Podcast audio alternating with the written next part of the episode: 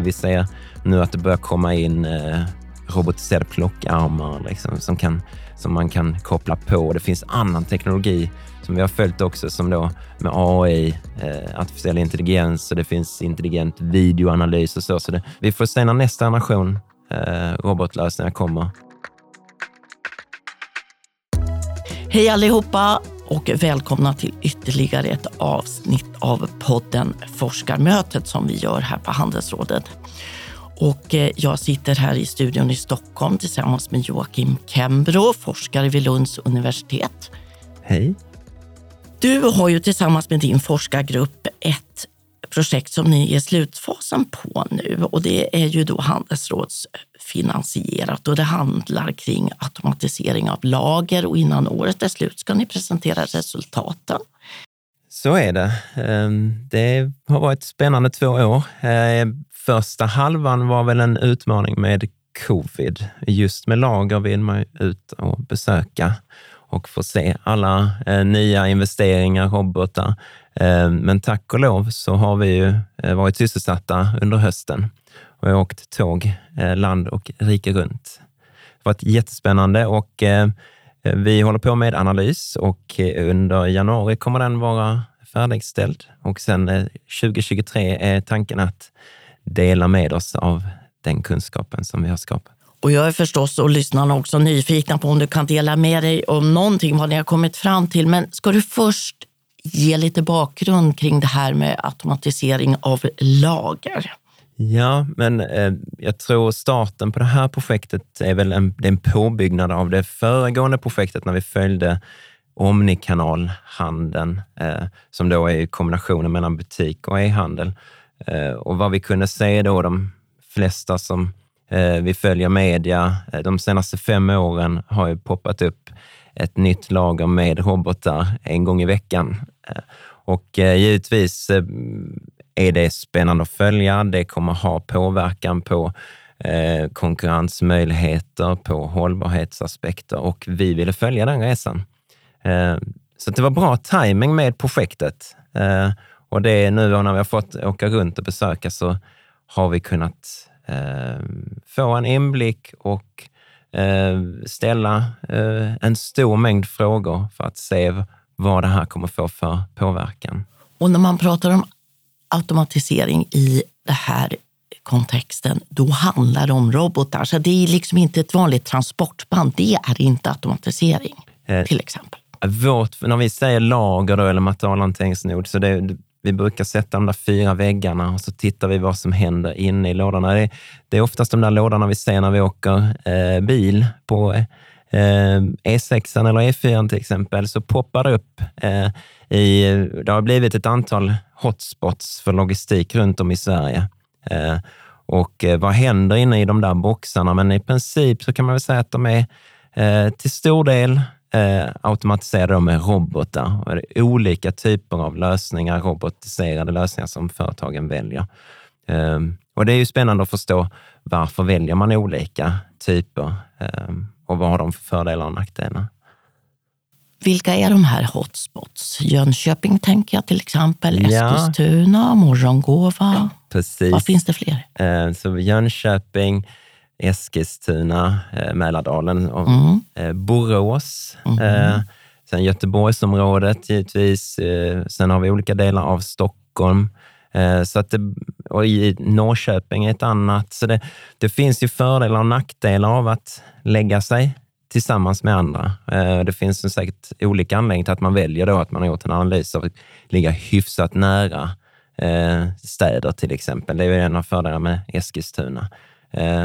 Och det har, det har blivit en, en eh, kanske inte någonting som vi gick in i projektet med att studera, men som har varit intressant att följa då, till exempel med eh, bemanning av de här nya robotiserade lagren och eh, kom, nya kompetenser. Är det en fördel eller nackdel då att ligga eh, tillsammans med många andra lager?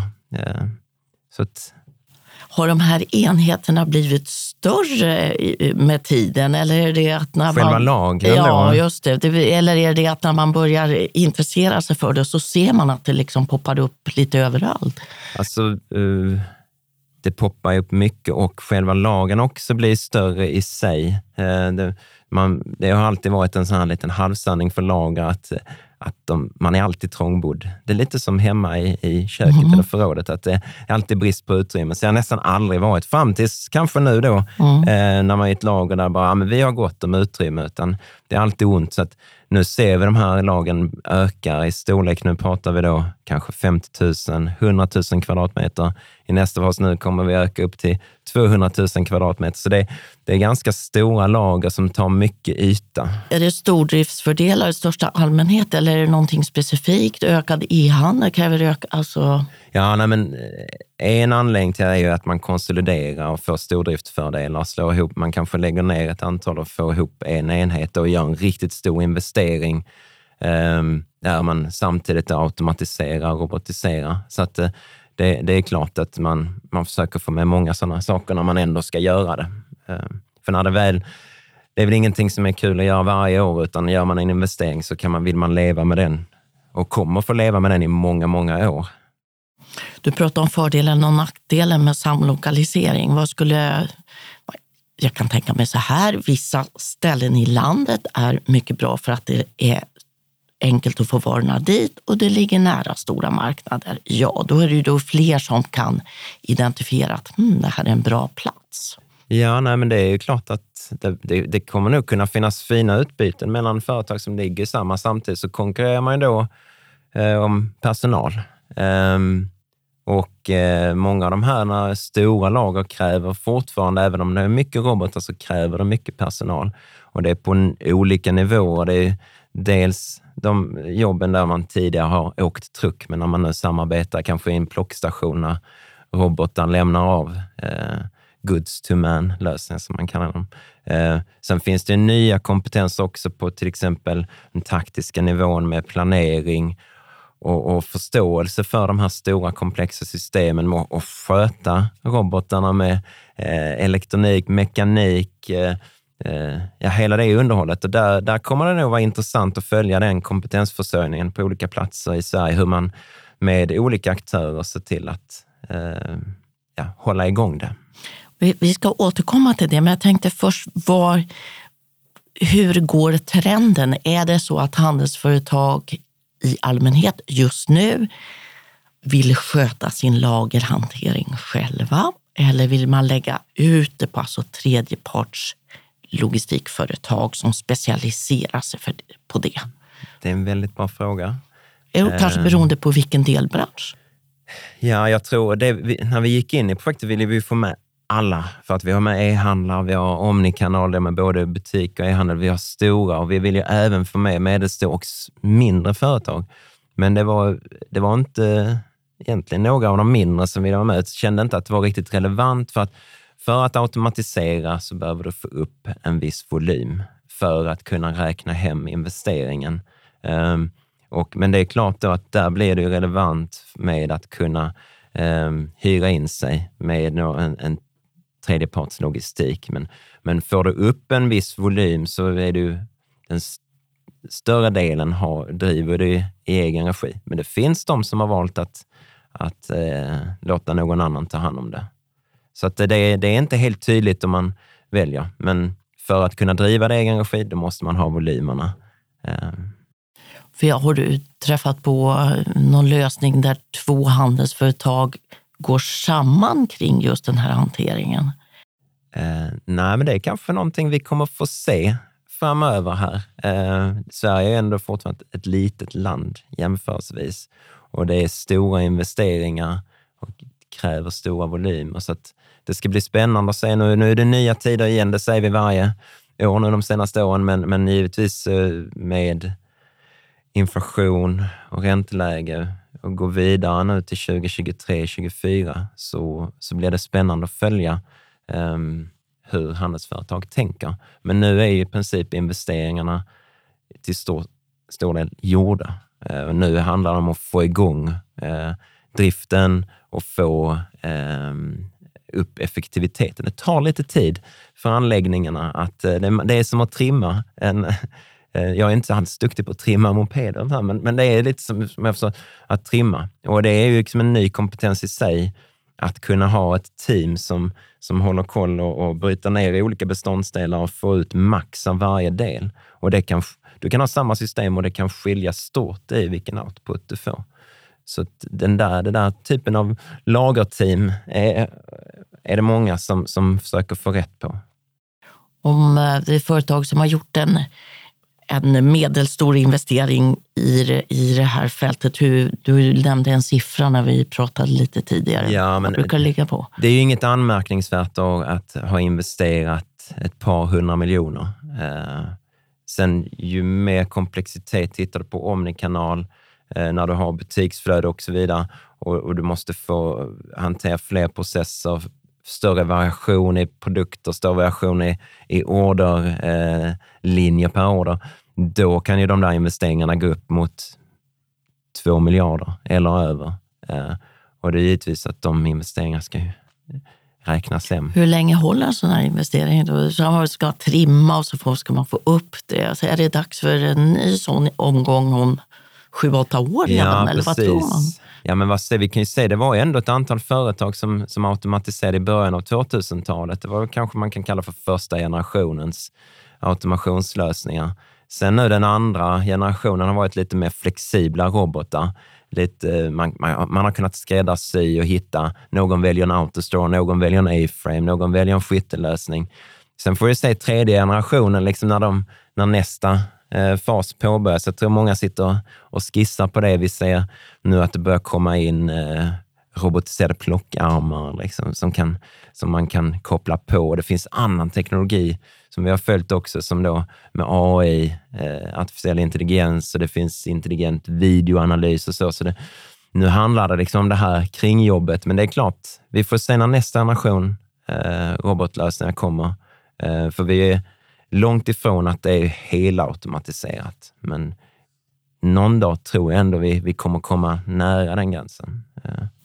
Vilken del av handeln skulle du säga är knepigast att automatisera i det här? Är det läkemedel som kräver liksom temperatur och det får aldrig någonsin bli fel? Och... Alltså det säkraste är det ju livsmedelsbranschen mm. med olika temperaturzoner och just att kombinera e-handel och butik. Eh, men det är ju otroligt spännande när vi har varit runt. Går du in i ett lager för mode eller mm. sport mm. eller farma eller mat, mm. mm. så är de ju designade på olika sätt. Ja. Eh, det är verkligen så. Man måste verkligen förstå varför är det designat så här? Kommer det här funka för våra produkter, för våra kunder nästa år, om tre år, om fem år? Och det är inte helt eh, givet med, med en med stor osäkerhet och en föränderlig värld. Så att många har försökt bygga in flexibilitet i sina lösningar.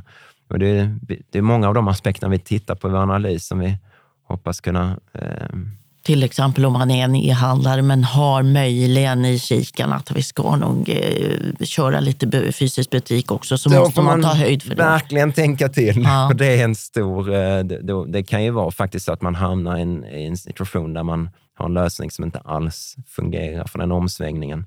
Så beroende på varför gör man den här omsvängningen och hur snabbt går den omsvängningen? Eh, det finns ju, ja men, ändrar du ett sortiment till exempel? Om du är van vid att köra små produkter i en autostore, så helt plötsligt ska du trycka in stora produkter. Det, det går inte. Och då får man ju ta det i ett separat flöde. Ska man ha det i en annan nod? Ska man ha det i samma lager fast i ett manuellt flöde? Och det där med butik, då, är du, ja, då kör du pall istället för enstycksplock till exempel. Så att, eh, det, det, får vi nog se de här kommande åren beroende på vad man har, har valt. Men, men definitivt och lite som vårt projekt då ändå tittar på hur hänger eh, automationslösningen ihop med strategivalen när vi går framåt. Skulle du säga att svenska handlare och 3PL ligger i framkant? Finns det några liksom tekniska system som som är blågula så eller? Alltid, jag har ju tidigare sagt att Sverige ligger långt fram, mm. så jag får väl stå mm. för det. Men, men det, har hänt, det är otroligt många som har investerat. Um, det finns generellt sett inom lager vill man kanske inte... Vi har ju undersökt det här med eh, teknologi, eh, hur villig är man att vara i framkant när det gäller teknologi? Det är ett stort risktagande. Um, för att när du väl har gjort den investeringen så får du sitta med den. Och då kanske man vill vänta lite och se någon annan gå före. Inte första har vi, de här, vi har ju de här innovators, uh, early adopters, men man kanske hellre föredrar att vara företaget som helhet kanske då vill gärna ligga i framkant, men just på känna av lite och bygga sitt business case. Så det är kanske inte helt dumt. Men vi har de som vill ligga i framkant och det finns de som blir lite showcase, liksom, att de har eh, byggt ganska fräcka automationsanläggningar. Om, inte bara jag som lagernörd som, som tycker det, men det, det, så det är fa fantastisk möjlighet som forskare att få, få möjlighet att många öppnar upp sina dörrar. Eh, men nu, vi kan ju räkna anläggningar, men vi ligger ju inte efter i Sverige. Eh, och vi har väldigt många duktiga logistiker, många duktiga kring eh, alltså med teknikleverantörer, teknikkonsulter och så vidare. Så, att, så mm, ja.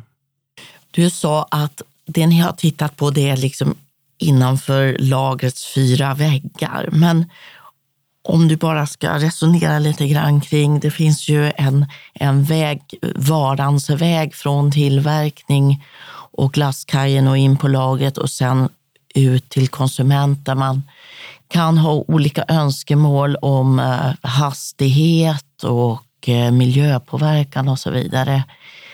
Kan man isolera det som händer där innanför väggarna och taket? Nej, det kan man inte. Vi kan ju isolera bara titta där, men, och det har vi ju eh, publicerat eh, lite om också, att laget i större utsträckning eh, påverkar hela distributionsnätverket och vice versa. Alltså ett beslut i lagret påverkar distributionsnätverket, ett beslut i distributionsnätverket påverkar laget. Så att det, man måste ha på ett annat sätt en holistisk eh, bild av systemet. Och jag tror vi av den anledningen också kommer se fler forskningsstudier i framtiden när, man, när vi faktiskt kopplar ihop. Du har kanske en lagergrupp och du har en last mile-grupp, en returgrupp och så tittar man tillsammans eh, och lägger pusselbitarna. Finns det någonting som du kan redan nu säga att du och din forskargrupp, när ni nu har börjat sammanställa alla de här timmar av intervjuer och studiebesök och analyser som, hmm, aha, det kanske vi inte hade väntat oss. Finns det någonting sånt? Det finns säkert väldigt många. Eh, det är alltid farligt som forskare att mm. gå ut och spekulera ja. kring resultat, men, men jag kan säga några, några så, så här överraskningar när vi var ute och tittade, så givetvis kompetens har vi pratat mycket om och det är någonting vi vill titta vidare på. Um, men också det här med att ta höjd för vad innebär det att ha den här typen av automatiserad anläggning i form av, det har hänt mycket parallellt här med, med till exempel energimarknaden. Eh, att driva en sån här anläggning. Vi ser fler och fler som anlägger då solceller på mm. taken, men också att du har robotar där du behöver reservdelar. Ehm, och mm, otroligt komplicerade IT-system där du kanske... Det blir en, det, det, är en, det är en annan typ av risk och, och potentiell sårbarhet, så man måste bygga upp ett team kring det också. Uh, så det tyckte jag var, var men Det, detta pågår ju brett liksom, i sektorn och, och uh, att ta sig an de här. Uh, sen är det ju med just vad innebär det för, för lagarbetaren att det är, det är någon form av... är det den eviga frågan, liksom, är det en brist på lagarbetare? Eller, mm. eh, och det finns många som säger att nej, men det finns en global brist på människor som vill jobba i lager. Men, och det, personligen håller jag inte riktigt med om det. Och när vi har frågat så den, den stämmer inte den bilden. Däremot kan nyanseras att ja, klart med de här hotspots och liknande kan det, det var svårt i vissa fall och man har en rotation i och med att det är eh, beroende på eh, ja, men att det är lite monotont jobb, att man kanske vill vidare, man har en viss omsättning. Men, men det är ju otroliga anläggningar och många anstränger sig jättemycket för att göra lagen jättefina, otroliga faciliteter. Alltså till en attraktiv arbetsplats. För att locka till sig. Så det, det var jätteimponerande att se hur många som satsar på det. Eh, att göra det till ett spännande arbete, stimulerande arbete och en, en fin arbetsmiljö med bra villkor. Så att jag blev väldigt glatt överraskad av. Och du har ju att jämföra med, för du berättade att du under en period i ditt liv faktiskt jobbade på lager och körde truck. Det gjorde jag på 90-talet. Började jag som, som truckförare, jobba på ackord. Eh, så att, eh, jag vet inte om det var då eh, idén föddes, men, men någonstans har cirkeln slutits. Men då upplevde jag, jag tyckte det var superkul. Även om jag jobbade då under kortare perioder och samtidigt pluggade. Men, ehm, men där finns en stolthet i, i lagarbete. Det finns stora möjligheter att ehm, också utvecklas internt inom företagen. Många är väldigt måna om att att ta hand om sin personal. Eh. Men om vi drar det här till extremen nu då, för då kan man tänka sig automation av lager, robotarna tar över och företagen vill ju se en lönsamhet i det här och sen så minskar vi personalstyrkan. Kommer det överhuvudtaget att behövas några som jobbar på lager framöver och de som jobbar där idag, var ska de ta vägen? Mm. Alltså hittills har vi väl inte sett jätteminskningar för att vi har haft en extrem tillväxt. Så det är mer att den tillväxten har gjort att man inte behövt anställa fler och sen har robotarna skött det. Liksom. Men det är klart, när vi går in i sämre tider så återstår det att se. Eh, det finns ju absolut en uppenbar risk att det då kan bli nedskärningar och då är det inte robotarna som skärs ner. Eh, så det, det återstår att se. Och sen eh, utvecklingen går extremt snabbt med hur robotar kan mer och mer kopiera vad människan gör. Och det är ju händerna då eh, som jag viftar med här. Man ser inte det i podden, men, men de är ju fortfarande unika. Eh, men, men eh, när vi har lättare förpackningar att hantera, typ fyrkantiga eh, kartonger, liksom, de, de kommer i första hand lyckas plockas av robothänder. Eh, andra produkter som livsmedel så kanske tar längre tid, men, men utvecklingen går snabbare, som allting annat snabbare och snabbare. så att, Ja, det, då, då får man, vad gör man i ett lager? Ja, men det kommer ju finnas den här typen av eh, ja, holistiskt perspektiv. Att, vilka att, yrkesroller ja, men och vilka sköta, kompetenser? underhålla robotar, programmera, eh, eh, både liksom det programmeringsmässiga och det mekaniska och även att förstå hela systemet. Det är liksom ett system där du skruvar på de olika delarna, så det, det, är någon, någon form av taktisk nivå här som är Eh, och som inte riktigt har tidigare funnits i lager. Så det är, det är ganska snabbt nu som det måste fram och det är nog många olika aktörer som måste samarbeta i de här olika hotspot-regionerna eh, för att säkerställa. Du, du formulerar så här tidigare, även elektronik har mekanik. Det är ju inte bara det att man placerar en robot någonstans och sen eh, funkar den för evigt, utan det måste... Nej, det är ju konstant underhåll, liksom, för att få det att funka. Och det är ju, man kan ju låta då en, sin partner, teknik, teknikleverantören, så sköta det, men det finns ju också de som steg för steg vill ta in mer och mer inhouse. Men det är klart att de organisationerna på IT-sidan och robot, de, de, det växer ju. Och då, där får man ju ta ett beslut är det, ska det ingå i vår kärnorganisation eller ska vi ha någon annan? Så det finns ju en ökande grad partnerskap och så. Um. Och det sker inte över en natt det här heller, utan det blir successivt, så det finns omställningstid. Ja, och det är väl den. Nu, nu, nu har många gjort automationen. Nu är, nu är det ett par år här som man får lära sig att bygga organisationerna. Den populärvetenskapliga variant på rapporten kommer ju att läggas upp på Handelsrådets hemsida här i årsskiftet eller lite grann. Eh, så den ser vi fram emot. Ska vi prata lite grann om din väg till forskarrollen här? Har du, har du alltid vetat att du har, mm, skulle vilja borra ner dig i någonting så specifikt som logistik? En bra fråga. Jag får ju gå tillbaka lite. Vad, vad pluggade du? Ja, men backar vi 10-15 ja. år, så jag kom in tillbaka, jag kom tillbaka till universitetet delvis för att jag älskar att undervisa. Eh, så där, det är eh, inte alla forskare som gör. Jaha, nej, så jag tror forskningen kom nog till mig eh, ett, ett eller två år in.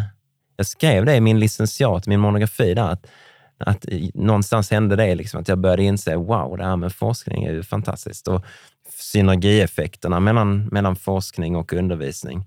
Jag har ju då tidigare eh, testat på lärarrollen en del som högstadielärare och så. så jag, jag har verkligen försökt testa mig fram olika vad som passar och jag hittade hem till slut, men innan det då var det, jag var väl lite sökande kan man väl säga. Jag läste breda program, naturvetenskap och sen industriell ekonomi och hade väl egentligen absolut ingen aning vad jag skulle, för det var så brett. Eh, och det var, väl, det var ju julen 2004. Och vad eh, hände då? Och just när jag satt och klurade så var det ju tsunamin som slog till och det påverkar otroligt många människor.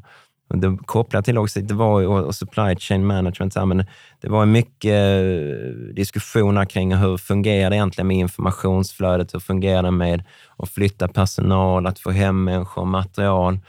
Och det, där då föddes väl en liten idé om att, eh, ja men vänta, kanske jag kan använda det jag lärt mig i min utbildning. Jag hade specialiserat mig inom logistik eh, och supply chain. Så, så på den, den vägen var det. Jag fick ett erbjudande och skrev mitt exjobb i New York eh, och började sedan med inköp i Köpenhamn med befolkningsorganet. Eh, FNs befolkningsorgan. UNFPA. Och där blev jag väl experter på upphandling av medicinsk utrustning och preventivmedel. För krisområden eller? Vi hade en del som var krisområden. Mm. Då vi, vi satte ihop olika kit då, mm. som var till eh, nyblivna mödrar till exempel, mm. i, en, i en katastrofsituation. Um, så det gjorde jag i ett par år och sen och åkte även ner till Afghanistan en vända och hjälpte till där. Vad, vad, vad gjorde du med din kompetens i Afghanistan? Ja, då, Rent konkret. Då var man, eh, man höll på att förbereda en eh, här eh, census.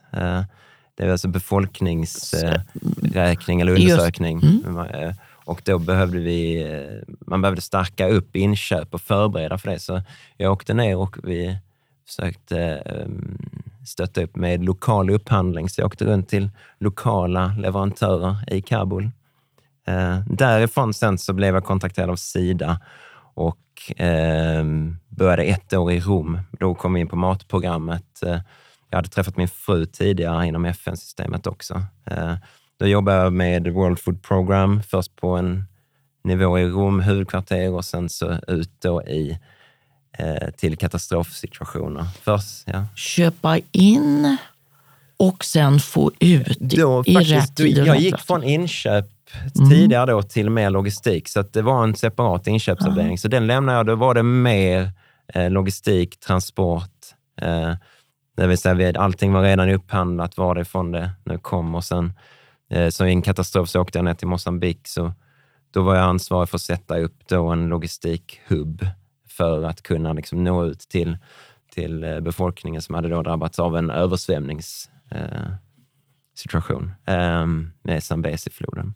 Eh, och där, sen efter det då så flyttade vi till eh, Kenya och så jobbade jag i två år med, eh, med att få ut mat då i WFPs program i Uganda, Kenya, södra Sudan, östra delen av Kongo och Somalia. Så det, det var ju en annorlunda tid då också. Det var ju precis då när det var mycket pirater så, som var utanför kusten. Så vi, vi jobbade med NATO-styrkorna bland annat för att få skeppen säkra till, till Somalia.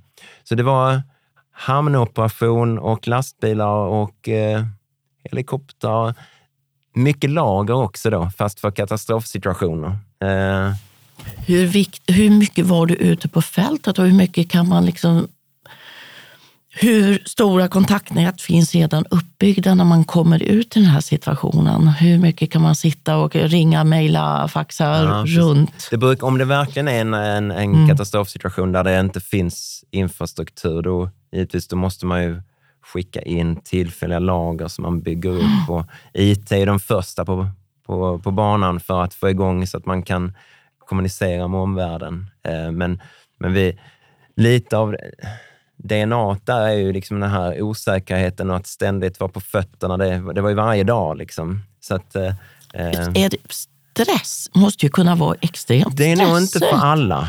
Eh, jag upptäckte vissa delar av mig själv som, som vad jag funkade. Och när man åker på verkligen en, en insats där du jobbar från morgon till kväll varje dag i, veckan. Liksom, ja, men två, tre månader sedan var, jag var personligen ganska mör efter det. Mm. Eh, så det är tufft. Det tar, det tar en hel del. Och i bakhuvudet vet att vi säger nu något läkemedel eller vätskeersättning, om det inte kommer fram, det kan få riktigt dåliga Precis. konsekvenser. Nej, det är ju inte, det är inte Black Friday och att Nej. det är lite dåliga försäljningssiffror, utan det finns en annan konsekvens av det hela. Så att, eh, nej, men det var det. Jag hade, det satt kvar mycket när vi valde att flytta hem då och att jag började forska. Eh, men det är givetvis, de här senaste åren är ju på något sätt någon, det finns ju flashbacks till våra år med FN när vi har gått igenom liksom flyktingkris och covid.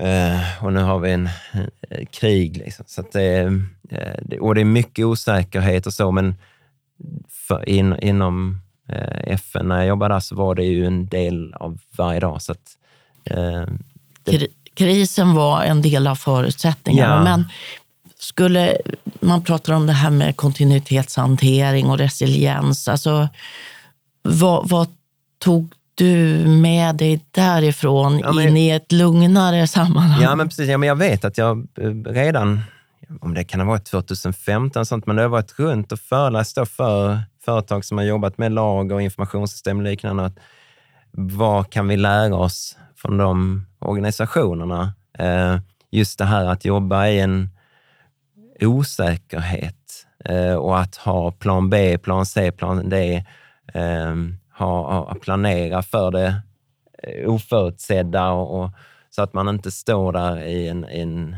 en situation där det, allting kollapsar. Vi har ju sett, vi har börjat se situationer till exempel med cyberattacker och liknande när, när det blir kollaps. Alltså för de här, blir det någonting i de här stora automatiserade systemen som inte fungerar, då fungerar det inte. Det är inte så att du kan klättra ut och bara och plocka det manuellt, utan då är de låsta.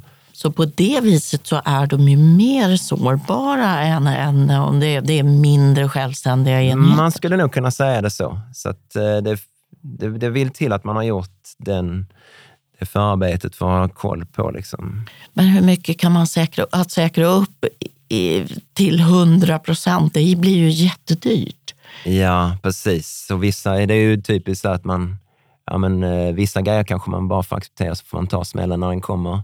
Och många av de andra då, eh, om, om man inte alls vill ta smällen, får man ju hitta ett sätt att minska sannolikheten för att det, det uppstår.